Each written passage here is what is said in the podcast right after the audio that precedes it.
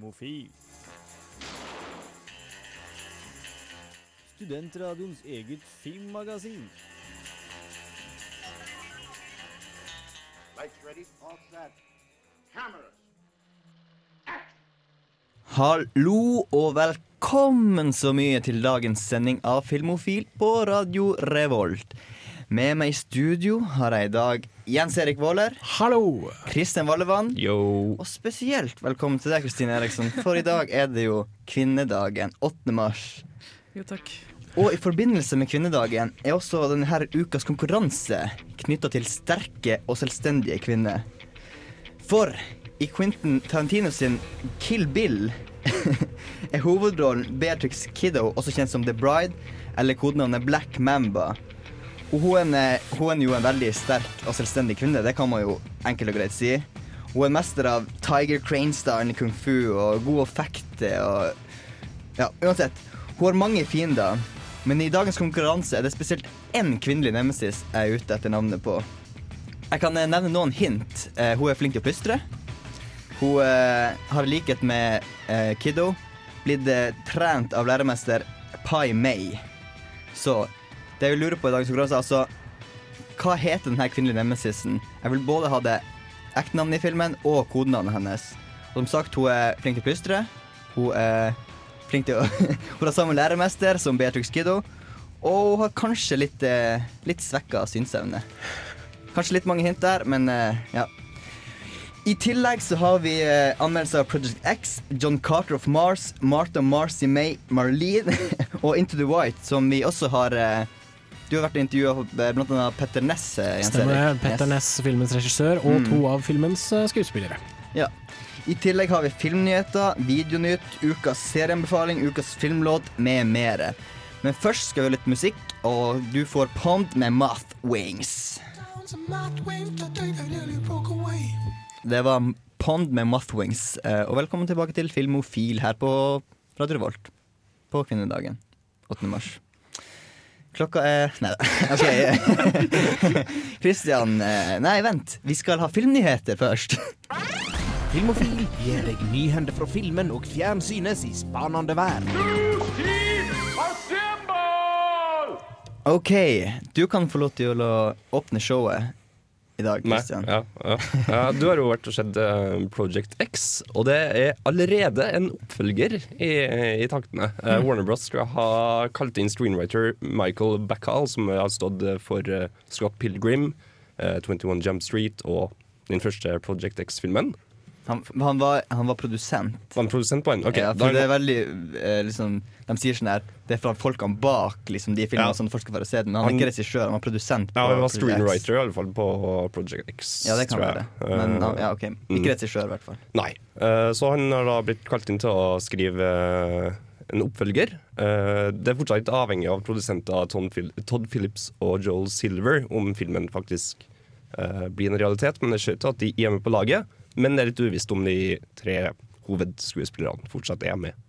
Så okay. vi får se. Ja, eh, jeg vil si at eh, hvis jeg tenker på den første Project X, så kan det være screenwriter til en sånn film. Det må være en lett jobb. Jeg tror jeg hadde klart å skrive det manuset på en halvtime. Then he drank some beer.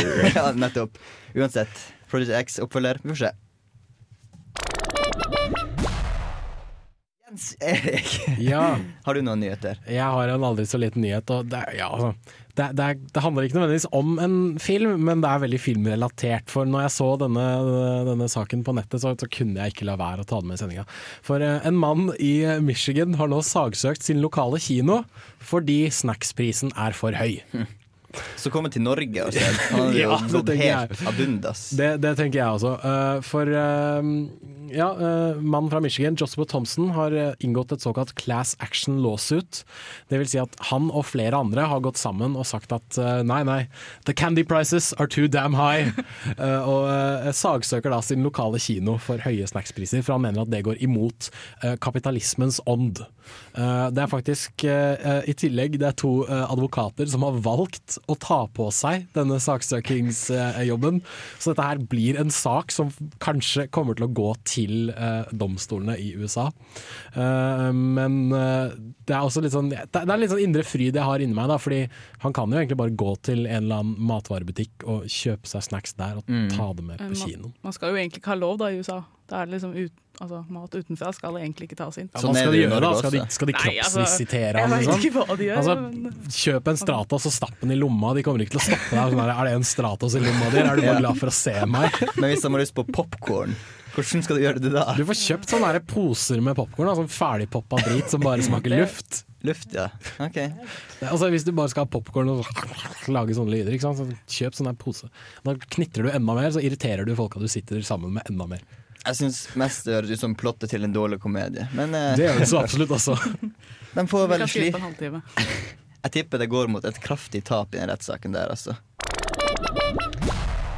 Kristine, har du noe på blokka? Jeg har en liten nyhet som jeg gleder meg stort til, hvis det skjer. Det er ikke sikkert, men Bill and Ted får kanskje en treer.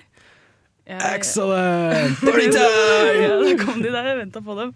Ja, så jeg er veldig glad i, i den første, i hvert fall. Syns jeg er utrolig bra. Og han eh, Keanu Reeves sjøl har sagt at eh, it's a good script, så da får vi håpe. Ok, så Keanu Reeves, han, det er liksom, da er det bra. Ja, da må det være bra. Si- står, står det noe om det er et manus der han uh, sitter helt stille med et blankt ansiktsuttrykk og stirrer ut i lufta? Nei, det gjør ikke det, men han sier sikkert 'dude' veldig mange ganger. Ja, Vi får vente og se hvordan det blir. Det var første halvdel av eh, Filmnytt. Eh, Vi skal høre litt musikk før vi fortsetter. Det her er Jesse Ware med 'Running'.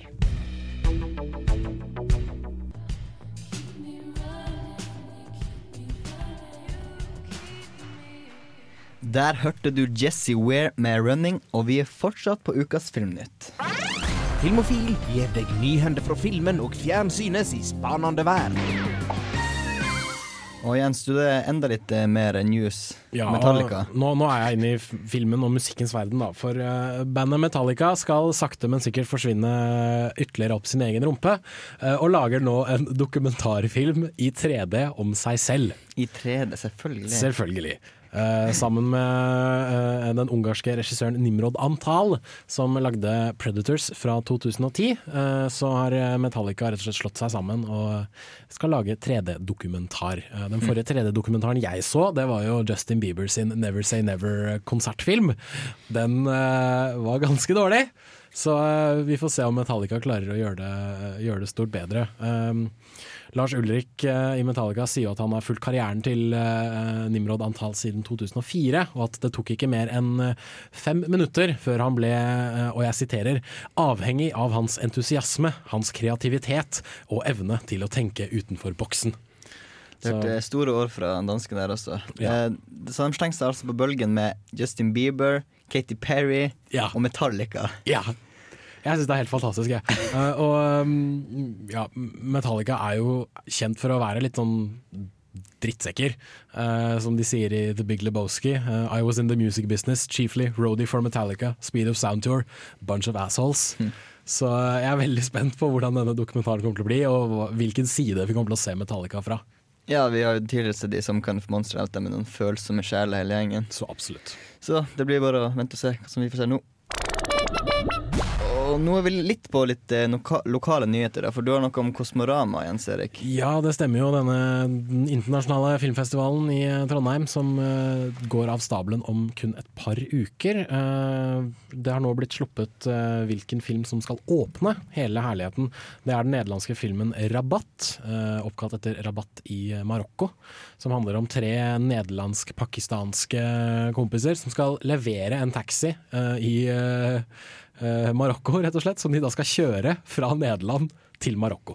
Eh, så det er en, eh, en sånn venne-road-movie-indie-type film som, som Kosmorama ser ut til å like.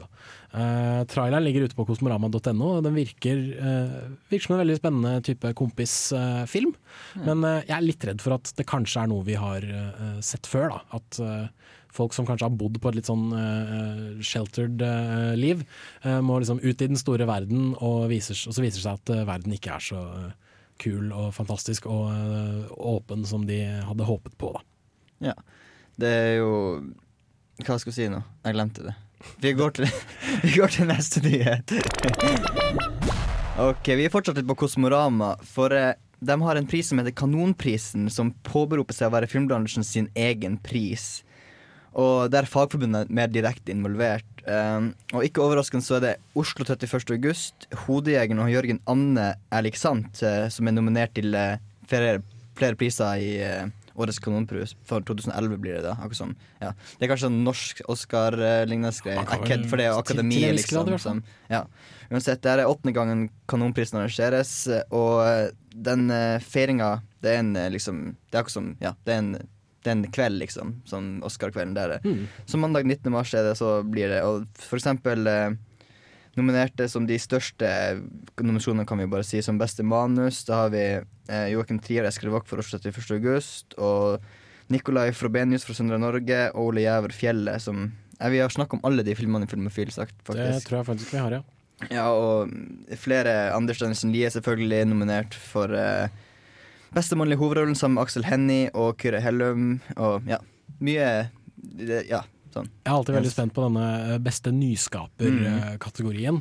For eh, eh, hva er liksom nyskapning innen norsk film, er det alltid morsomt å spørre seg selv. Det de sier, det er en annen jury som velger ut den her, faktisk. Og de sier at det er liksom å utvide filmmediet med sånn noe kunstnerisk. Det er liksom det er det mest nyskapende. Så det er Jørgen Anne pluss Alexand som er nominert, og Push Wagner-filmen, den dokumentaren, og Oslo 31. august som er nominert i den prisen også. Jeg holder en uh, liten knapp på Push-Wagner, jeg tror jeg faktisk. Jeg holder på Oslo 31. august. Den, vin, den har vært nominert så mye, syns jeg. Den har aldri liksom klart å dra innom priser. Jeg syns virkelig den fortjener det.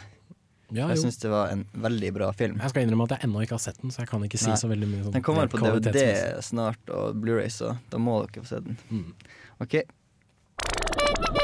Det var det vi hadde i Filmofil i Filmnytt-spalten vår i dag. Vi skal høre mer musikk. Det her er Said med Decode the Glow feat. Stina Stern.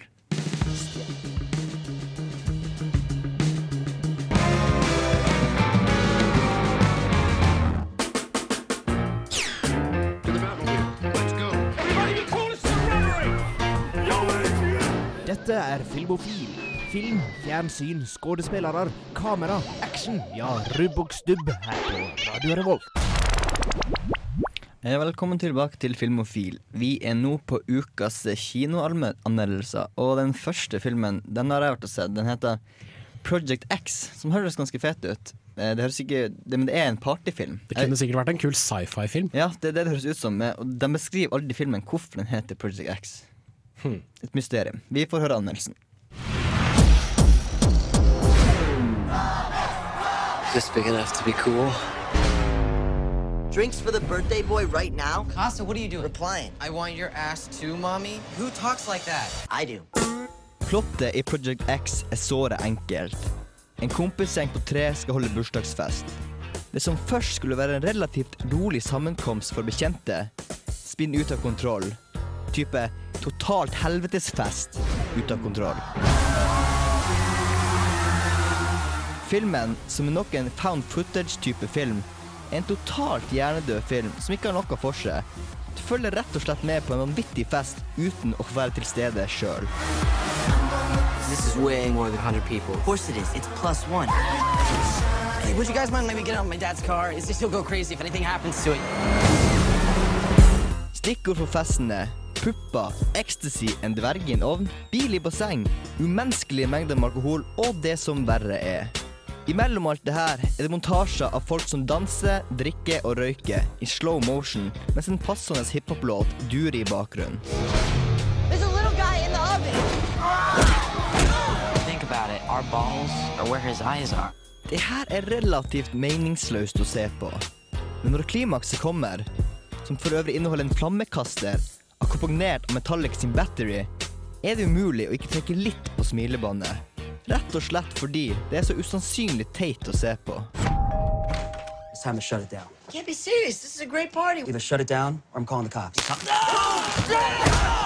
I'm calling the cops on your ass now. Do it, genius. It's all on tape. All I got was you punching that little child's face. Det hadde sikkert vært helt vilt å vært på en hjemmefest der nærmere 2000 folk dukka opp. Og som dagen etter ble en nasjonal snakkis og endte opp som første sidestoff. Men det er ikke like gøy å sitte klinkende edru i en kinosal og følge med på spying, klining og megavulgær dansing. What are you looking for? Condoms. I'm working on something downstairs. The only thing you're working on is diabetes, you fat. Denne filmen hadde kanskje fungert bra i bakgrunnen på et vors, med tanke på at det ikke er noe særlig handling å følge med på, men ellers blir det ganske meningsløst.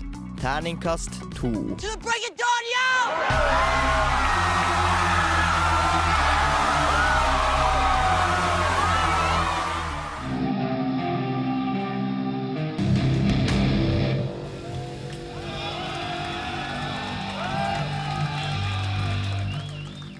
Der hørte du Kulesa med To Forget live fra Samfunnet her i Trondheim. Opptak gjort av eh, Live-gutta i Live.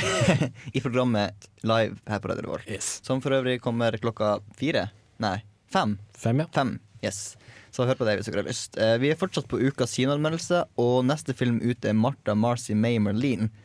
Rart navn på en film. Du har sett den, Kristine? Ja, så det, det er litt gøy å si det om igjen og om igjen. Om igjen. Martha Marcy May Merlin, Martha Marcy May Merlin. Ja, du var flink, jo. Mm, jeg kan prate. La oss høre anmeldelsen.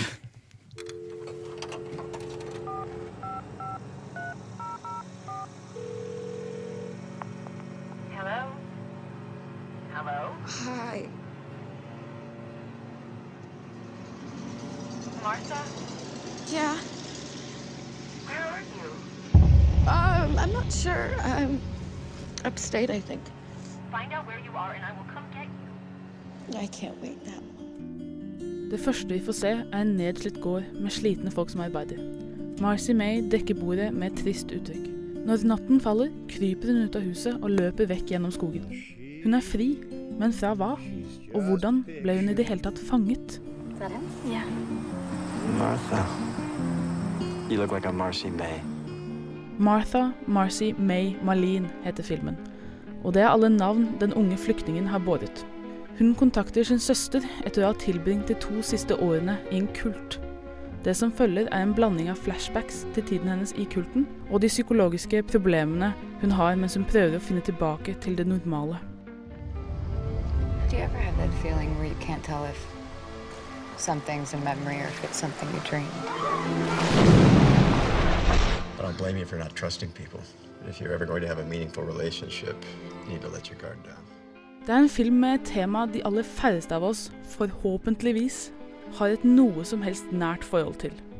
Men mange har kanskje spurt seg selv hvordan havner man i en kult? Hva er det som er så spennende med scientologi eller lignende grupper? Martha spilles av Elisabeth Olsen, og hun overrasker stort. Hun er mester av det tunge blikket, og vi sympatiserer stort med henne når vi forstår hvor sakte, men sikkert hun har blitt manipulert. Det er en film som bruker lang tid på hver minste scene, noen ganger uten en helt opplagt grunn, og det er derfor litt kjipt vi aldri får innblikk i Marthas liv før hun blir invitert til gården der den karismatiske lederen holder til. Hele filmens kraft hviler derfor på om man kan forestille seg at en ung jente kunne bli dratt med på noe sånt.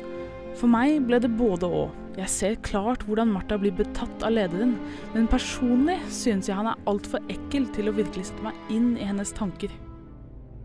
Martha Marcy May Marlene er en utrolig stille film, og lyd blir et effektivt virkemiddel. Filmen bruker stillhet og lyd til å lokke og advare samtidig. Og selv om vi forstår lengselen for dette utopiske kollektivet, vil vi også advare at under idyllen ser vi noe urovekkende som Martha er blind for. You know that death is beautiful because it creates complete awareness. Death is pure love. Det kan være best å se denne filmen hjemme der du slipper popkornmassene, men hva man enn velger, burde de som har fascinasjon for slike kollektiver, se Martha Marcy May Marlene. Den vil kanskje ikke forklare slike kulter, men den gir et interessant innblikk i en verden som for de fleste av oss er fremmed og ukomfortabel å tenke på. Terningkast fire. Smoking some more weed. I'ma smoke weed after this take. Jam. Yes, det var Sir Michael Rocks med Out The Jam. Litt mer hiphop på Filmofil som Ja, greit nok, det. Vi er egentlig på ukas eh, kinoanmeldelser. Du har problemer med ordene hans. Jeg har det, jeg hater de ordene. Jeg skal slutte å si det. Men eh, før det, fordi du har vært og sett Into the White, Jens Erik. Ja, det stemmer. Eh, Denne historien inspirert av eh, virkelige hendelser, der eh, engelskmenn og tyskere blir fanget i en, eller må søke ly fra en snøstorm eh, inne i en norsk eh, fangsthytte. Og eh, regissør Petter Ness og ikke minst skuespilleren Florian Lucas og David Cross eh, kom til Norge for å gjøre litt intervjuer og snakke litt om filmen. Så var jeg så heldig og fikk eh, prate litt med, med dem. Mm. Vi hadde jo også håpa at Rupert Grint, som spiller den, skulle komme. Ja, vi, vi satt og kryssa fingrene for at han skulle ta turen opp fra Oslo, men det gjorde han dessverre ikke. Da. Det var litt kjipt. Men, Det var litt men, men. Redheads, oss. Ja. Han var jo i Oslo i helga, Stemmer det. Så, men det. eh, det var derfor vi hadde håpet det. Men nå, da skal vi høre intervju med Florian Lucas og David Cross. Okay, my name is Florian Lucas. I'm from Germany. I'm playing Horst Chopus in the movie Into the White. Hello, I'm uh, David Cross. I play Corporal Joseph Schwartz. Tell me a bit about your uh, characters in the film. I play Horst Chopus. Uh, he he wrote a book about this story. I met him last year, and I had the chance to talk to him, and he told me a lot about this time and about this situation. He was a professional soldier. He became a soldier in the end of the 20s, beginning of the 30s. He was a kind of very old-fashioned officer, and um, the discussions in the movie uh, in the movie uh, about you know uh, the crumbling British Empire and the rising German Empire that was new to me as well. I, I mean that was a new view on this um, you know uh, topic actually. So that was very interesting that we have this conversation about that. And uh, what about uh, Joseph? What uh, what makes him a good character to play? Um, he is basically he's the youngest one in the group, and he's grown up with the with the ideology of the Third Reich, and, and he's reading Hitler's Mein Kampf all the time. Um, I thought that was a really interesting part to play because I like to play someone who finds his uh, security in the ideology. He always thinks that's like um, instruction for everything in the in the book, and he really sticks to it, and he always has it in his hand. And then when someone uh, insults um, his ideology or when someone you know doesn't show the respect he thinks it deserves, he goes crazy. And then um, and I thought that was a really interesting part to play. Yeah. Yes, like you said, you actually met Horst uh, Horst uh, Schopitz. Uh, what was that uh, like? Did you what did you take from from your meeting with him in playing the character? He said something interesting. He said to me, "You know what? Um, the soldiers have to fix what the politicians uh, fucked up in, in a way. So, and every country, and uh, I have the same opi- opinion. Every country needs his, uh, hi uh, its army. So, um, but you don't have to attack all all countries around you. So, just for defend your your, your way of life. Yeah. Uh, as I was watching the film, uh, I got the sense that they're not they're not Nazis. They're just soldiers. They're just guys who have to uh, follow orders. Mm, exactly. And uh, I think that made them much more sympathetic. Usually, the Germans are the villains in Mm. war movies. Uh, was that uh, refreshing for you uh, to play as German actors? Absolutely, yeah. Um, I was asking three years ago because of uh, for another movie. How does it feel like be a German in a German Third Reich uniform? And I was like, it feels like I'm in a international co-production. So we are used to be the Nazi guys, you know, in these films, and I don't like it very much. And what Peter did in this movie, he he, he showed us uh, so the human being behind these uh, uniforms.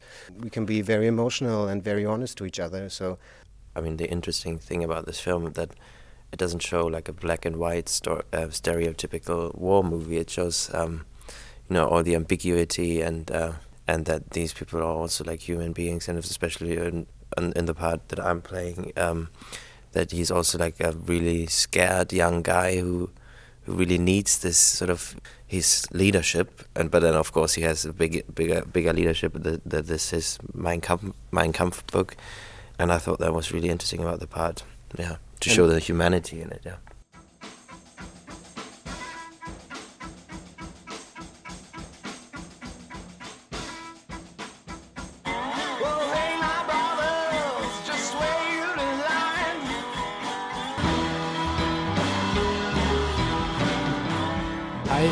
Mitt navn er Arlan Wesen. Jeg heter Vebjørn Enger, og du hører på Filmofil. Yes, du hører på Filmofil. Før det hørte du, hørte du Woodland med 'Devil On Your Shoulder'. Og for det hørte du Jens Eriksens intervju med uh, Florian Lukas og David Cross. Fra Into the White. Og nå, hva vi skal høre nå? Eh, Nå er det jo eh, mitt eh, store intervju med Petter Ness, som har regissert og ikke minst skrevet deler, eller han har gjort litt av manuset i hvert fall da, med, i filmen. Og, Ja. veldig, veldig trivelig type å sitte og snakke med. Han eh, er veldig, veldig hyggelig å intervjue. Mm. La oss høre hva han hadde å si. Jeg heter Petter Ness, og jeg er regissør for filmen 'Into the White'. Kom du inn i prosjektet da det bare hadde en, en, et, outline, eller var det du som startet alt sammen? Nei, det, Jeg kom inn i prosjektet da det, var, det forelå som en idé og en, en tanke, og ja, med en outline. da, Og så begynte jeg å utvikle manus sammen med denne dansken. Så jeg var med ganske tidlig. Hva var det som var eh, tiltrekkende med prosjektet? Det er jo det enkle setupet. Altså noen fiender som skyter hverandre ned i luften med fly og nødlander, og tilfeldigvis søker ly i samme fangsthytte. Det er vel sånn på en måte en ganske klassisk setup. Altså fiender som mot, mot sin vilje tvinges sammen og må jobbe sammen, samarbeide for å overleve, for å komme tilbake til krigen og fortsette å slåss. Og jeg mener at det er en eh, veldig universell fortelling. Altså, det er masse spennende historier fra annen verdenskrig, men uh, dette er jo et kammerspill, egentlig. Ikke sant? I storslagen og flott natur, dramatisk og vakker natur. Hvor de er inne, i denne, inne i denne hytta og må liksom Altså, kan observere hverandre absolutt eh, hele tiden. Målet deres er jo på en måte Antagonisten i, i filmen er jo et gryende vennskap. Altså De må for enhver pris ikke bli venner, for de er fiender. Filmen er jo inspirert av en eh, sann historie. Hvor mye er det som er eh, i det siste produktet eh, fakta og, og ren fiksjon? Hele filmen er jo på en måte en, en altså det, det er jo ikke noen dokumentar. Det er jo ikke noe, Vi følger ikke slavisk. Vi tar utgangspunkt i det absurde faktum at de skyter hverandre ned og søker da ly i, i samme fangsthytte. Og det var en ganske gemyttlig og sånn høflig altså sånn officers and gentlemen på en måte. Det, de inviterte hverandre inn, og de delte i hytta, og de delte det de hadde. Men de eh, engelskmennene gikk til Grotli høyfjellshotell, som lå rett ved, og fant mat og kom tilbake med det. Men dagen etter så kom tyskerne og var mer nervøse, og da brukte tyskerne våpen. Eh, så, eller bestemte at eh, engelskmennene ikke fikk lov til å gå videre alene. Og så da hendelsen med den norske skipatruljen som kommer, da, da er vi liksom litt tilbake i, eh, i det som skjedde. Disse tyske pilotene, de er jo, syns jeg i hvert fall, ganske sympatiske fyrer, egentlig. Altså, var det, var det en bevisst eh, greie fra starten av? Absolutt. Eh, Jeg har jo møtt han Horst Schopis, han som er måte, hovedpersonen i filmen. Han var veldig stolt og veldig glad over at den filmen ble fortalt, og den historien ble fortalt. Og han var en, en bra mann på feil side av krigen. Han eh, var i, egentlig var han i kavaleriet, ble overført til trengte piloter, så han ble overført til Luftforsvaret. Så når krigen kom, så var han en, en god soldat, altså en god pilot, som bare ville gjøre, gjøre jobben sin. Og den tyske propagandaen, den gikk jo veldig på at tyskerne skulle frigjøre dette stolte norske folket fra engelskmennene. Det er så veldig lett med, med krigen i annen verdenskrig. Så sett på en person i en, en tysk uniform, så har du fienden med en gang. Og denne filmen handler litt om å prøve å, å se på menneskene bak, eh, bak uniformen og bak, bak eh, fiendebildene og bak de fordommene vi har. For jeg fikk litt følelsen av at eh, det er på en måte krigen som er fienden eh, Ja. i filmen. Ja, det, det, det er godt eh, sett. Det, den, den blir mer og mer absurd for dem. Hvilken krig er det de skal tilbake og, og, og kjempe? Og i dette tilfellet så blir jo, har vi jo snudd ting litt på hodet. I dette tilfellet blir jo nordmennene på en måte trusselen som kommer utenfra. Altså krigens logikk. Det er en fienden er på fjellet, vi skal gå og ta dem. Og de gjorde jo bare det de skulle. Og jeg har også lest rapporten til han som ledet eh, skipatruljen. Dette var jo unge menn, og han som skjøt da, dette ene skuddet, som jeg ikke kan si så veldig mye mer om, ung fyr, han fikk masse nervetrøbbel etterpå. Drepte et menneske, aldri gjort det før. Altså var unge, De var amatører. Disse pilotene er amatører på bakken her. De har aldri blitt skutt ned før, aldri møtt fienden før. Og disse unge gutta Dette var jo bare to uker ute i krigen, ikke sant. Så, så det handler om rett og slett, som du sier, altså at det er på en måte fiend, nei, krigen som er selve fienden her.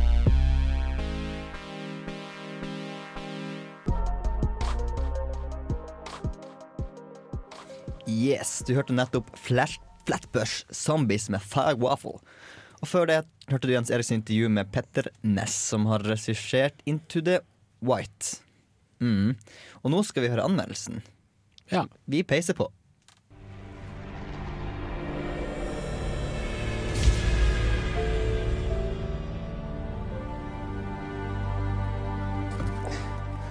Was machen wir jetzt?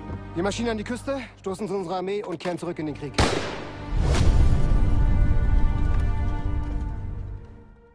To jagerfly, et engelsk og et tysk, skyter hverandre ned over Norge den 27. april 1940. Tre tyskere og to engelskmenn ender opp med å søke tilflukt i samme jakthytte høyt oppe på fjellet. Her må de overleve det tøffe vinterværet, samtidig som de gjør det de kan for å antagonisere hverandre. Historien baserer seg på virkelige hendelser, og tar seg gode nok dramatiske friheter til å skape et interessant handlingsforløp. Temperamentene står i høygir når de to grupperingene stadig forsøker å tirre hverandre, samtidig som maten og veden sakte, men sikkert svinner hen. Into the White er et godt kammerspill om medmenneskelige relasjoner og hvordan nødvendighet kan bringe fiender sammen i vennskap. Who are you? A British officer and his airman. Our aircraft was shot down. I don't suppose there's any chance of a spot of tea. You're now officially prisoners of the Third Reich. Sollten wir sie nicht erschießen? Nein, Warum nicht? wir sind keine Hottentotten schwarz. Når såpass mye av handlingen foregår på et lite område, legges det mye press på både skuespillere og manus. Dialogen er velskrevet og karakterutviklingen spennende å se på. De to fiendegruppene tvinges stadig til å arbeide sammen, og den store krigen som omkretser dem virker ytterligere absurd og latterlig jo mer de lærer hverandre å kjenne. Not very sporting gesture. This is war, not a silly game in your country club. You win the pissing contest, Doug. Congratulations.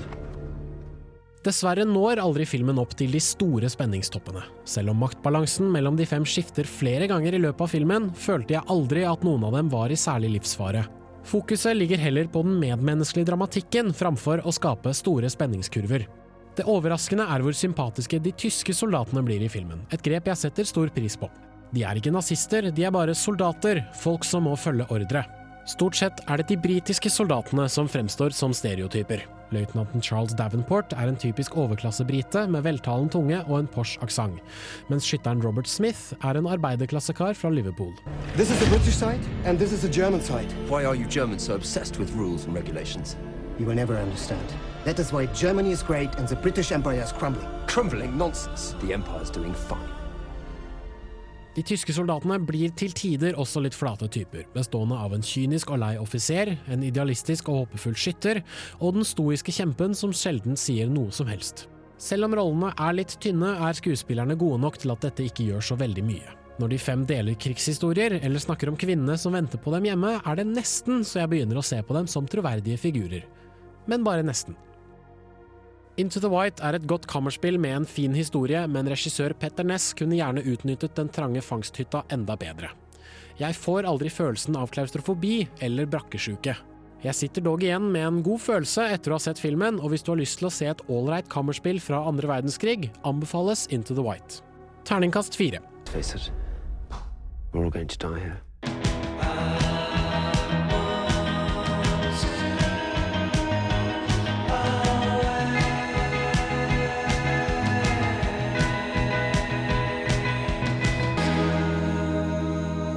Der hørte du Beach Fossils med 'Shallow', og før det hørte du Jens Eriksen anmeldelse av 'Into the White'. Yes. Vi er fortsatt på ukas kinoanmeldelser. Ja, drit i det. Kinoanmeldelser. Anmeldelser. Jeg skal få dere til å si det. Jeg skal si kino, så sier du Anmeldelser. Mm, sånn skal vi gjøre det fra nå av. OK. Så vi er bare nikkedukker for deg i ditt store spill, altså. Mm. Mm. Her er den jeg peker på, da. Akkurat i dag siden jeg er programleder, så er dere nikkedukkene mine. Eh, du har sett John Carter of Mars, Christian. Noe du har lyst til å si før vi peiser på? nei Da Egentlig ikke. kjører vi anmeldelse.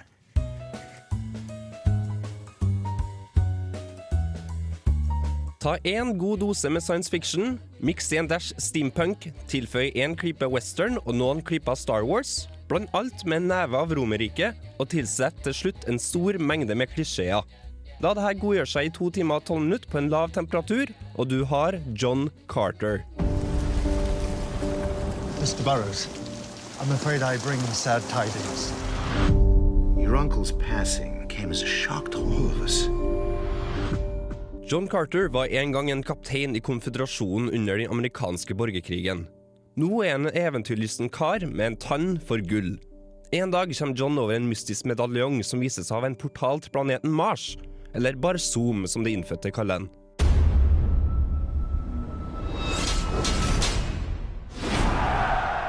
Who is that? Our world is under attack, John Carter. And Earth is next. Will you stay, fight for us?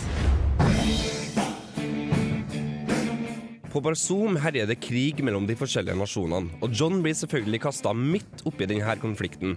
Grunnet gravitasjonen på Barzoom blir John umenneskelig sterk, og han blir fort et våpen som de andre nasjonene ønsker å bruke. Og så er det selvfølgelig en prinsesse som han må redde. Our world is dying. Fate has brought you here, John Carter. You may be the only one who can save us. Det er liten tvil i at Disney har spytta inn mye penger i sin nye storfilm John Carter. Produksjonen er meget god, slåsskampene er relativt stilige, det grafiske nivået er på topp, og det er mange kjente ansikt å gjenkjenne. Men det er også her pengebruken ser ut til å ha stoppa. Manuset er nemlig proppa med mangel på originalitet, klisjeer og cheesy kommentarer. Bare hør her. Get on. I was too late once. I won't be again. This might get dangerous.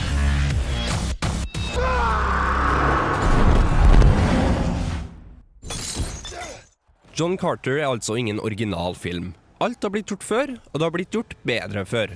Men det er ikke bare negative ting å si om John Carter. Pga. god design av omgivelser, kostymer, aliens og futuristiske bygninger kommer virkelig planeten Barzoom til live. Men hva sier du om filmen når jeg må påpeke det her?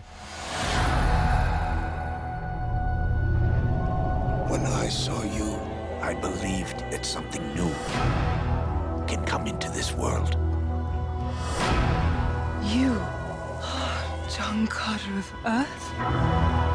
Yes, ma'am. John Carter er dessverre ikke noe mer enn akseptabelt tidsfordriv.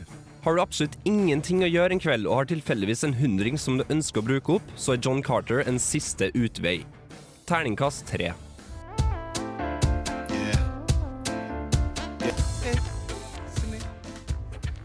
Yeah, det var El Endineo med 'Lifesaver'. Nå skal vi ha ukas filmlåt. Play it once, Sam. Det er jo alltid å ha musikk når den er påtent. Helst noe indisk eller pakistansk. Ukas filmlåt. Og ukas filmlåt er det du som har tatt med deg, Christian. Det er det. Eh, I dag har jeg tatt med musikk fra en film som heter 'Across the Universe', eh, som er en romantisk drama-musical. Um, låta er, heter for um, 'Come Together'. Um, de fleste kjenner det kanskje som en Beatles-låt. Og det er en film som baserer seg på Beatles-musikk. De lager altså dramatisk handling ut av Beatles-låter. Ja, altså ikke ut av, ikke ut av liksom, historien i låtene, men de bruker liksom sangene. da Så du har hovedkar- mange- Stilig. Ja, altså, du har en karakter som heter Lucy, du har Jude og du har Prudence. Så det er veldig sånn, De Mm. bruker det da i, i filmen. Um, det jeg hører her, er Joe Cooker uh, med en annen kar som heter Martin Luther. Martin Luther, sorry. Så vi kjører bare på. Fet låt. Come together right now over. Wait a minute. You ain't heard nothing yet. Wait a minute, I tell you. Listen to them. Du hørte nettopp Joe Cocker sin versjon av Beatles sin 'Come Together' fra filmen 'Across the Universe', som Christian hadde tatt med seg som ukas filmlåt. Mm. Det kan legge på at uh, denne versjonen er fra uh, filmen. Altså da Mm. direkte uttatt fra filmen. Hvis du En- kjøper plata, så er versjonen litt annerledes. Ok, En skikkelig, skikkelig filmlåt altså denne uka. Vi skal gå til Videonytt. Nytt i videohylla. Rykende ferske digitalfilmer som du kan ha i din heim. Yes, Står det noe interessant i videohylla denne uka, eller gjør det ikke det? Det er jo så mye forskjellig. Eh, mm. Noe av det er bra, noe av det er eh, dritt. Jeg kan aller først be folk holde seg langt unna Bucky Larsen, 'Born to be a Star', som handler om en nerd som bestemmer seg for at han skal bli pornostjerne. Hm. Det er en drittfilm. Hvordan går det med han da? Blir han en pornostjerne? Ja. Selvfølgelig gjør han det. ja, OK, mere? Uh, sykdomsfilmen 'Contagion' er ute på Blu-ray og DVD. Den så jo du i en, en tid. Din tid. I did, og jeg anbefalte den ikke for hypokondere. Ja. For da blir de helt sprø in the crazy head. Uh, litt mye B-filmer. Uh, Hatchet 2, Hell Helldriver, for de som er interessert i det. Eh, Immortals ute på Blu-ray og DVD. Den har jo du sett, eh, Christian. Mm, jeg tror det var en firer, jeg tror det. Ja. Kanskje det. Jeg tror det. Men det, det alle bør plukke med seg, uansett hva du liker av film og alt eh, serier og sånt, er Game of Thrones. Oh yes. Uh, 2011s beste TV-serie. Ja. Indeed. Jeg Bra har, for har, dere som har sett den. jeg har den på Blu-ray liggende hjemme. Mm, og det var ukas serieanbefaling for tre uker siden. To uker siden. To, tror jeg. siden. Kanskje. Ja. To, kanskje. Uh, ja. Er du glad i Disney-film, så er Lady og Landstrykeren ute på eh, sånne Collectors eh, Editions fra Disney. Så Mhm. løp og kjøp dem før de forsvinner tilbake i Disney-hvelvet. Eh, Er du glad i roboter som banker hverandre, så anbefales Real Steel eh, ute på Blu-ray og DVD denne uka. Den ga jeg en terningkast fem eh, i, for ja, ca. et halvt år siden, tror jeg. Uh, og ikke minst, er du glad i uh, adaptasjoner av dataspill, så er Mortal Kombat Legacy, denne korte webserien som var i ca. 13 episoder, ute på Blu-ray og DVD. Og Mm. In Time med Yes, Mr. Timberlake. Du så. Just in time. Just in time, Som du sa så fint når vi anmeldte den. Mm, og jeg vil nevne, siden det er kvinnedagen i dag, 'Jentene fra Dagenham', som er en feministfilm fra sånn arbeidermiljø i England, som jeg så i fjor. På begynnelsen av fjoråret. En eh, ikke så spennende film, men sikkert bra for en liten historielekse om feministgreier og sånt. Ja. Vi kan ta litt mer eh, filmnytt, kanskje videonytt etterpå, men nå skal vi høre litt mer musikk. Det blir Eric Chenors med 'Amazing Backgrounds'. Roads? Where we're going, we don't need roads. Du hører på Filmofil på Radio Revolt. Det gjør du, og før det hørte du Eric Chenot med 'Amazing Backgrounds'. En lang og seig låt der, altså. Ganske syra. Syns den var et kort. Du syns den var kort, ja. Den skulle, den skulle vært fem minutter lenger for å bygge opp stemninga, så virkelig har jeg fått liksom flytte rundt her i studio. Har vi blitt et musikkprogram nå, eller har jeg, har jeg gått inn feil dør? Eh, vi er jo ikke et musikkprogram, men vi har lov til å kommentere musikken litt. Ok da Det vil jeg påstå. Vi er filmjournalister, da kan vi også være musikkjournalister. Ja. Vi var på Videonytt i stad, og der er vi fortsatt. Vi skal høre min anmeldelse av 'Contagion' nå. It was a groundbreaking ceremony for a new factory. Did she mention seeing anyone who was sick? Anyone on a plane, the airport? No, she said she was jet lagged. Regissøren Steven Soderberg, som er kjent for filmer som Oceans Eleven og Traffic, har samla sammen et stjernelag av Hollywood-skuespillere til sin nye film 'Contagion'. På rollelista har vi bl.a. Matt Damon, Jude Law, Kate Winslet, Gwyneth Paltrow, som alene vil gjøre at filmen vil fange oppmerksomheten til mange. The average person touches their face three to five times every waking minute. In between, we're touching doorknobs, water fountains, and each other. Beth. No, no, uh, uh, go up to your room, honey. So we have a virus with no treatment protocol and no vaccine at this time. Filmen handler om et livsfarlig nytt virus som raskt sprer seg til å bli en verdensomspennende epidemi, der folk dør som flue i en forrykende fart. Mens profesjonelle forskere over hele verden jobber med å finne en vaksine, prøver resten av verdens befolkning å holde seg i live på best mulig måte. Vi følger flere forskjellige enkeltpersoner sine opplevelser av epidemien, fra det opprinnelige virusutbruddet til introduksjon av en vaksine. As of last night, there are 32 cases. Unfortunately, she did die. Right. Can I go talk to her? Mr. Amoff, your wife is dead. What are you talking about? What happened to her? What happened to her? Først og fremst vil jeg ikke anbefale denne filmen til hypokondere. De kommer til å gå fra vettet.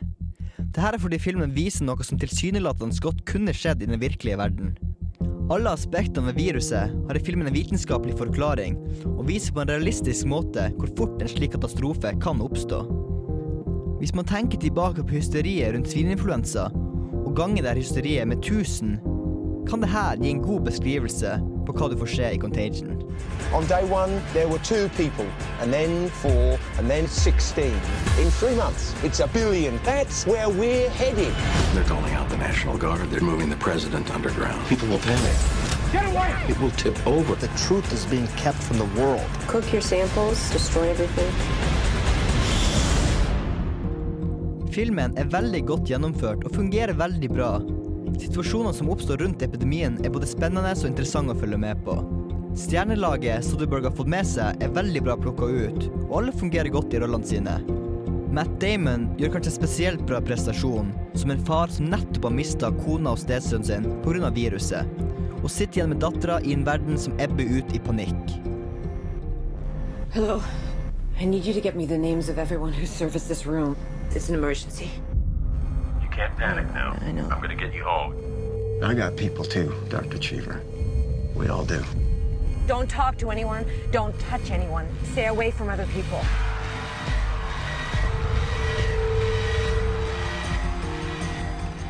Contagion er en bra film, men den er ikke fantastisk. Selv om jeg nøye fulgte med hele tida og hadde en positiv opplevelse, fikk filmen nesten en slags dokumentarfil og hadde ingen nevneverdige høydepunkter. Men det er en bra fortalt historie, med god regi og gode skuespillerprestasjoner. Terningkast fire. It's figuring us out faster than we're figuring it out. It's mutating.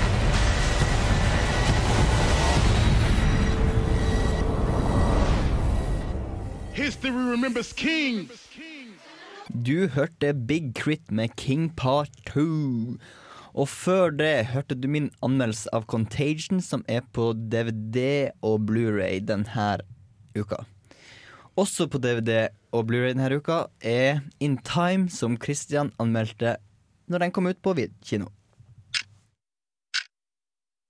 Har du noen gang tenkt på hva du vil gjøre med den tida du har? Eller hva du ville ha gjort hvis du har hatt mer tid? Regissør og skribent Andrew Nichol tar disse spørsmålene til et helt nytt nivå, med sin nye film In Time. How old are you? 28. I'm 105. But the day comes when you've had enough. How's that supposed to mean? Everyone can't live forever. Where would we put them? How else could there be men with a million years while most live day to day? If you had as much time as I have, what would you do with it? Sure as hell wouldn't waste it. Will Salas lever i en verden der tid er valuta. Når man fyller 25 år, slutter man å eldes, og man blir tildelt ett år. Ett år som må brukes klokt da tida går ut, sekund for sekund. Og når klokka viser null, så er du død. Vil du leve lenger enn det ene året, så må du jobbe for tida. Akkurat som penger. Og akkurat som med penger, så finnes det rike og fattige. Just I'd like to wake up with more time on my hand than hours in the day. Four minutes for a cup of coffee? Yesterday it was three. You want coffee or you want to reminisce? I et av de fattige strøkene bor Will, som lever nærmest time for time. Etter å ha redda en rik mann fra tidstyver, så får han vite at det ikke trenger å være fattig i verden. At det finnes nok tid til alle. Will bestemmer seg derfor for å bruke resten av tida si på å bekjempe systemet. I'm gonna take them for everything they've got. Come on, come on, help yourselves. Take the time, it's free. We can't have a thousand years in the wrong hands. You put enough time in the wrong hands, you upset the whole system. Let's hope so. Konseptet bak In Time kan ikke sies å være noe annet enn utrolig kult. At tida bokstavelig talt alltid står på spill, danner grunnlaget for en fantastisk actionthriller. Men In Time klarer dessverre ikke å leve opp til ideen. Jo da, den er til tider spennende, men jeg synes ikke konseptet med tid bruktes nok i de mest spenningsintense scenene. Det In Time derimot gjør bra med tidskonseptet, er å inkorporere det i filmen, og man føler virkelig at tid er en valuta som har eksistert lenge. Man glemmer nesten at penger eksisterer. Det fins f.eks. analoger for 10-kronersmarked, som er 99-sekundersmarked. Man kan låne eller rane tid hos banken, og man kan kjøpe seg en bil for 50 000 år. In Time gir virkelig 'jeg har ikke tid' en helt ny mening. If this works, we gotta get more. I can help you get all the time you want. You know we're coming to get you.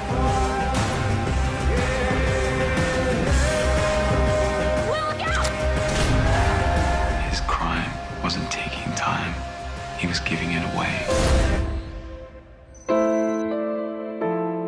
In Time er en godt produsert film med dyktige skuespillere, interessante karakterer og en fantastisk idé som dessverre ikke utnyttes godt nok. Jeg finner meg sjøl i å tenke at det ikke var noe særlig minneverdig med denne filmen, utenom ideen.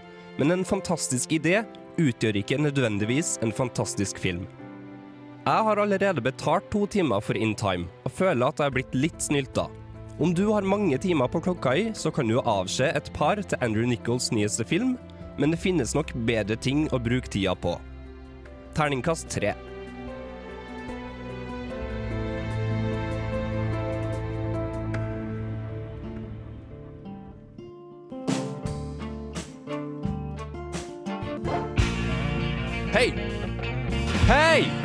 Det er ikke 90s sitcom-flashback. Ta og Skru på noe annet.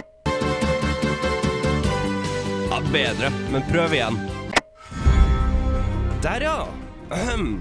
Filmofil presenterer ukas serie. Yes, uka. Vi er på ukas serie nå. Jeg var, ok, jeg var litt sur her, men uansett, den, Kristine, har du med ukas serieanbefaling, altså. Ja, det har jeg. Og jeg har valgt ut den britiske versjonen av Sherlock Holmes, som bare heter Sherlock, altså. Den har kommet i to sesonger, men bare seks episoder totalt. Det kommer mer. Det får hver episode bare en og en halv time. Ja, altså det er jo teknisk sett en miniserie. Og det er rett og slett en moderne versjon av Sherlock Holmes, klassiske Sherlock Holmes. Og hvor da Sherlock lever i vår moderne London, der han driver med Ja, han har blogg Eller Watson har blogg, da, som du kan faktisk fysisk gå på din internett og lese. Og der han legger ut sine, sine caser. Og så selvfølgelig hver gang Sherlock lurer på noe, så er det bare å dra frem smarttelefonen og finne på nett veldig kjapt. Så det, de har integrert hele det moderne internett i eh, Mm. klassisk Sherlock Holmes, og de gjør de veldig bra, syns jeg. Enig.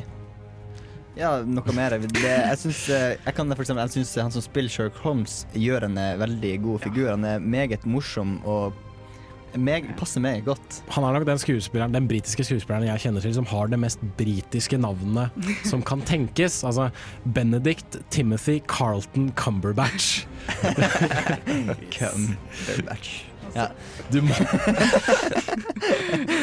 Hæ? Jeg måtte ingenting, jeg bare gjentok navnet. Ja, jeg skjønner jo det, da. Ja, men uh, han, jeg er enig i det, det, det dere sier. Han gjør en utrolig god rolle, og uh, ikke minst, som vi har diskutert litt under låtene, uh, han eh, i, mot, I motsetning til den film-Sherlock Holmes, som er en litt sånn Han er litt som et barn som er veldig smart. Mens uh, serie-Sherlock Holmes er litt sånn han, han, er en uten, han er en outsider. Han er helt inn utenforstående. Ja, Han har ordentlig, altså han har problemer med det sosiale, mens den filmsjøl kom, så er Robert Downey jr. er egentlig bare Han er stilig, han er flørter med kvinner og er helt OK på alle Sånn mulige som. Robert Downey jr. Ja, ofte er i filmer. mens, mens den uh, Cumberbatch-Sherlocken, han han på en måte veit ikke helt hvorfor folk er sånn som de er. Altså, han kan finne ut alle mulige mysterier, bortsett fra den menneskelige psyken. Da, kan du si. Mm, han har ikke så mye peiling på det emosjonelle, og han, eh, Watson lurer jo stadig vekk om han om man liker gutter, om man liker jenter, om man liker noe som helst. Litt Ja, sånn som eh, Sheldon.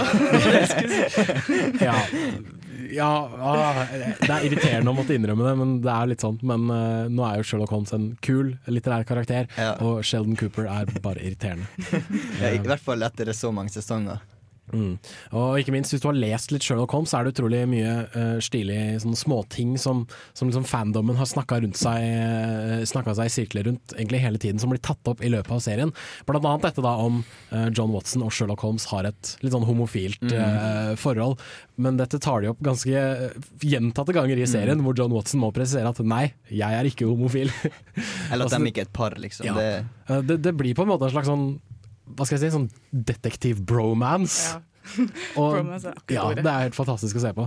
Og så kan vi nevne at uh, en annen ting sånn, For eksempel den Deerstalker-hatten han alltid bruker i filmversjoner og serieversjoner, den blir jo aldri nevnt egentlig i bøkene. Så det, de har gjort det på en ganske snedig måte i serien. Da, at han tilfeldigvis tar på seg en sånn hatt, og så blir klipp, tatt bilde av av media, og så vips, så blir han assosiert med denne hatten hele tiden. Det var ganske genialt gjort. Så gjør han selvfølgelig etterpå narr av den, for han skjønner ikke helt hvorfor den har Altså, for det første så har den flaps, det syns han er rart. Og så har den skygge foran og bak samtidig. Så hvorfor har den det?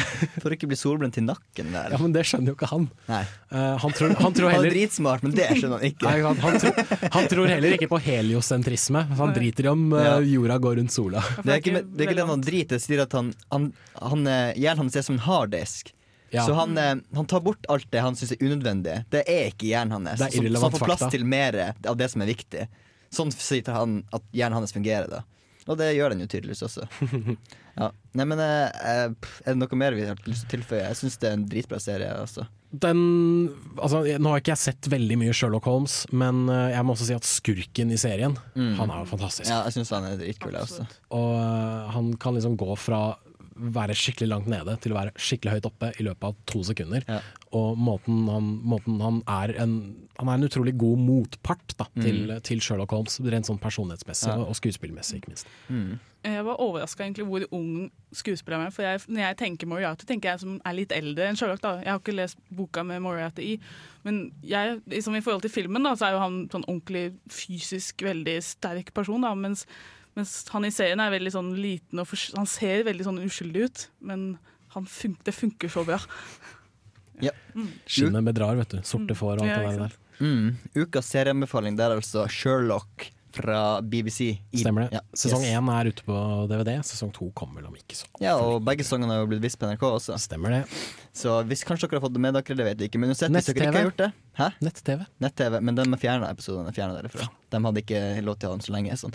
Uansett, vi skal høre litt med musikk. Dette er Mathias Stubø med 'Soon a Brighter Day'.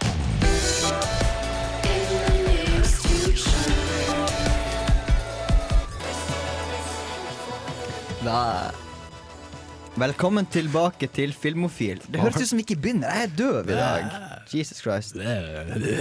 Sånn er det å være fra Nord-Norge. Nei da, ikke skyld på det. Uansett, eh, forrige uke så hadde vi en konkurranse gående.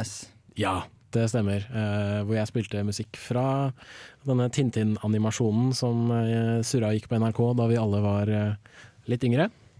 Tror jeg. I hvert fall de fleste av oss. En god del Vi var jo yngre. Ja, i hvert fall. Ja, men jeg, Jeg var eldre du så jeg- den. Ja, jeg så den Ja, på TV. Kristian så den, og Kristine Ja. så den, og jeg så den. Da var vi alle yngre. Jeg måtte bare liksom forsikre meg om at alle hadde. Selvfølgelig var vi yngre, vi var ikke eldre. Ja, men Det kan jo hende at du ikke så den da du var yngre. Uansett. Nå, nå like før jeg kaster noe på deg igjen. Ja. ja, ikke gjør det. Uansett, jeg skal være snill, jeg. Uh, det jeg lurte på, var uh, rett og slett uh, hvilket yrke hadde Tintin. Og det var det veldig mange som visste. Men eh, nå har vi jo konkurranse, og da kan vi jo egentlig bare ha én vinner. Så da må vi jo trekke litt Ikke, ikke, gjør, sånn under, ikke gjør sånn under sending. Så da må vi ha en, en liten trommevirvel. Kan jeg få en liten trommevirvel, eh, Nei. kanskje? Jo, få en liten trommevirvel. Der, ja. Gratulerer til eh, Lasse Brudeskar Vikås. Han visste at Tintin er journalist. Eller, Yes! eller reporter. Vi hadde, jeg, jeg godtok begge svar. Mm. Uh, og han var uh, en av de kjappeste til å svare på spørsmålet også, så det var jo veldig kult. Um, og konkurransen uh, Ja, han vinner to åpne kinobilletter til Trondheim kino, som han kan bruke på hvilken som helst film han vil. Enten på ukas kinopremiere eller på noe helt annet, om Ja. han så har lyst. Vi kan like så godt hoppe over til denne ukas konkurranse, da. Siden vi alt er inne på tema konkurranse. Og i begynnelsen av eh, denne sendinga så spilte vi eh, temaet fra Kill Bill, altså den der 'Battle without honor or humanity'. Ja. Sånn der, ja. Alle har den. Og da spurte jeg om eh, en av de kvinnelige erkefiendene til hovedrolleinnehaver eh, Uma Thurman, som spiller Beatrix Kiddo. Og hun her kvinnelige nemesis-en jeg vil ha det navnet på, og kodenavnet hun har i filmen. Eh, jeg hinta med at hun er flink til å plystre, og at hun har hatt samme læremester som Beatrix Kiddo, og at hun kanskje har litt svekka synsevner. Så hvis dere vet svaret til det, eh, send en mail til filmofil.radiorevolt.no med navn og telefonnummer og det riktige svaret. Så er, har du muligheten til å vinne to åpne kinobilletter fra Trondheim kino. Stemmer. Yes, Vi skal høre litt mer musikk igjen. Det her er Rye med Open.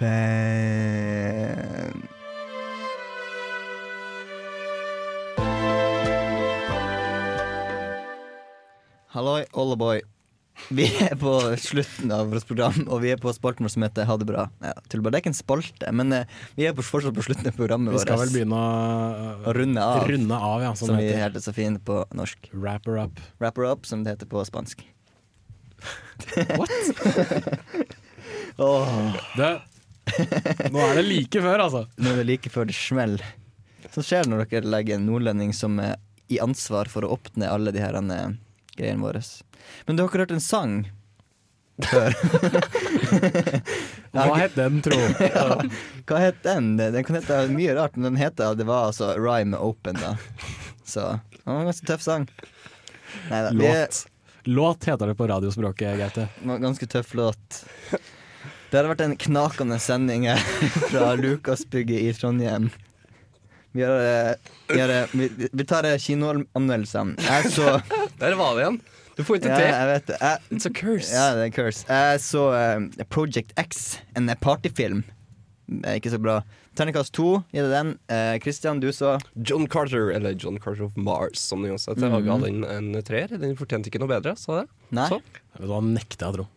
Ja, tror Jeg tror du bare er sånn, her, jeg tror du bare er sånn Du er sånn som VG-anmelderne. Sånn som bare, bare som skal hate kun for å hate. Nei, det, det gjør jeg ikke. Nei. Det gjør jeg faktisk ikke. Jeg har hatt veldig store forventninger til filmen. Jeg hadde gledet meg skikkelig til å se den. Jeg trodde den kunne være skikkelig kul og fet og alt det der, men meh. Ja, men altså mm, Forventningene innfridde ikke. Kristine, du så Jeg så Martha Marcy May Malin, som jeg ikke er så Mhm. flink til å si som du. Uh, ga den en firer, men det er en veldig sterk firer. Jeg vil si at nesten en svak femmer. Nesten. Sånn som forrige gang Nei, jeg skal ikke si det. Men uh, uansett, den er nesten Vi er, vi er blitt uh, gode til å gi Eller ikke gode, vi har ofte gitt sterke firere. Jeg tror Ja. vi burde bli- bli litt løsere på de femmerne. Kanskje det. kanskje det. Eh, det er Mister jo... Du har en Mario-T-skjorte som er grønn. Ja, og Ja, det er jo Luigi som er grønn. drit nå i det, da. Det var grønt eller svart, og jeg valgte grønt. OK. Han tok av seg T-skjorta nå for dere lyttere. Jeg tok av meg genseren det var varmt her. Eller jakka, da, for så vidt. Det er varmt her inne, for faen! Ja, det er det. Det er faktisk ganske varmt. Men det er fordi det står Uansett. fire stykker og svetter og Jeg har sett filmen Into the White, som er et norsk-engelsk-tysk samarbeid. eh, Regissert av den norske regissøren Petter Ness, eh, som jeg ga en terningkast fire. mm, Og så intervjuet jeg Florian Lucas, David Cross og Petter Ness. Og Ja. de intervjuene legger vi ut på nettsidene våre. Så snart som mulig. Så kan, hvis dere ikke fikk tid til å høre dem nå, så kan dere høre dem da. Mm. Stemmer det? Ja, hva mer har vi gjort denne sendingen? Vi har anbefalt Sherlock, det gjorde vi nettopp, en bra serie. Vi har eh, hva, ja, Ukas filmlåt. Ukas filmlåt var fra Across the Universe, Joe Cocker sin versjon av Beatles sin Come Together. Eh, verdt å nevne på Blu-ray og DVD-fronten er Real Steel, Contagion, uh, In Time og Game of Thrones. Game of Thrones, ikke minst. Eh, ikke minst Scooby-Doo, hvis du er glad i det. Men Game of Thrones er vel den store, store Mm. eh, anbefalingen som kommer. hvis du da ikke er veldig keen på å se Sherlock og litt sånne ting. Men Game of Thrones, Blu-ray og DVD. jeg skal hjem og kose meg med ti timer høyoppløselig, deilig, deilig TV-serie. Jeg tror jeg har vært gjennom de ti episodene sånn tre eller fire ganger nå allerede. Så nei, jeg blir, jeg blir ikke lei av det. Så du har ikke sovet i natt, du har bare ligget og sett på Blu-ray? Nei, altså, ikke, jeg har ikke skjedd noe, men altså, jeg har sett, totalt sett så har jeg skjedd det sånn Ah, ja, tre-fire hvordan, ganger. hvordan kan du gjøre det når ikke du har eh, Det har kommet nettopp ut på DVD? Ja, Christian, hvordan, hvordan klarer Nei, du det? Jeg har sånne her magiske vis å Mm. gjøre ting på. Da, vet du. Netflix, kunne du Time sagt. traveler. Ja, ja, jeg har brukt Netflix. Det gjorde du ikke. Løgner. Løgner, løgner, løgner. Um, for de som er interessert i eh, film som ikke er så veldig eh, hva skal jeg si, eh, kommersiell, så kan jeg også nevne at eh, Filmklubben på Samfunnet viser Andrej Rublev på eh, søndag i Storsalen klokka syv. Eh, film av eh, godeste Ingmar Bergman, hvis jeg ikke tar helt feil. Mm. Så verdt å få med seg hvis du er glad i film. Ja. Vi går som sagt mot slutten, men eh, før vi går, så må vi gjøre sånn at dere lyttere husker på en ting. Dere må huske å like oss på Facebook. Dere må huske å laste ned podkaster som ligger på radiorevolt.no, og eh, der ligger det på Stream on Demand, så du kan høre med musikk på. Du må huske å Like oss på Facebook. mm, Facebook.com slash filmofil. Som jeg sa i begynnelsen. Ja, unnskyld. Men det er fint du gjentar det. Lytterne våre trengt ingenting med teskje. Satser vi på. Og dere må huske å sende inn svar til konkurransen til Radio Revolt Nei, Filmofil etter radiorevolt.no med navn, nummer og riktig svar, så kan dere vinne kinobilletter. Som sagt, det har vært en knakende sending. Eh, med meg i studio har jeg hatt Jens Erik Våler. Ha det bra. Kristine Eriksen. Ha det bra. Kristian Vallevann. Ha det. Ja. Og tekniker har vært Henrik Brynte Lund. Stemmer det. Jeg holdt på å si Blund. Jon Blund, vet du. Nei, men uh, kjempebra teknikerjobb. Jeg heter Gaute Eliassen, har programleder. Og jeg vil også gratulere alle kvinner med kvinnedagen i dag. Dere må kose dere og la hvis mannfolkene deres gjøre jobbene deres. Gjør de ikke alltid det? Nå skal jeg ikke, i denne gangen skal dere slippe å vaske og lage mat, sånn som er hovedoppgavene. Sånn til vanlig. Nei da, nei da. Nordlending, vet du. Fy Jeg tuller bare. Men ha det bra. Vi har hatt en kjempesending. Vi ses til neste uke.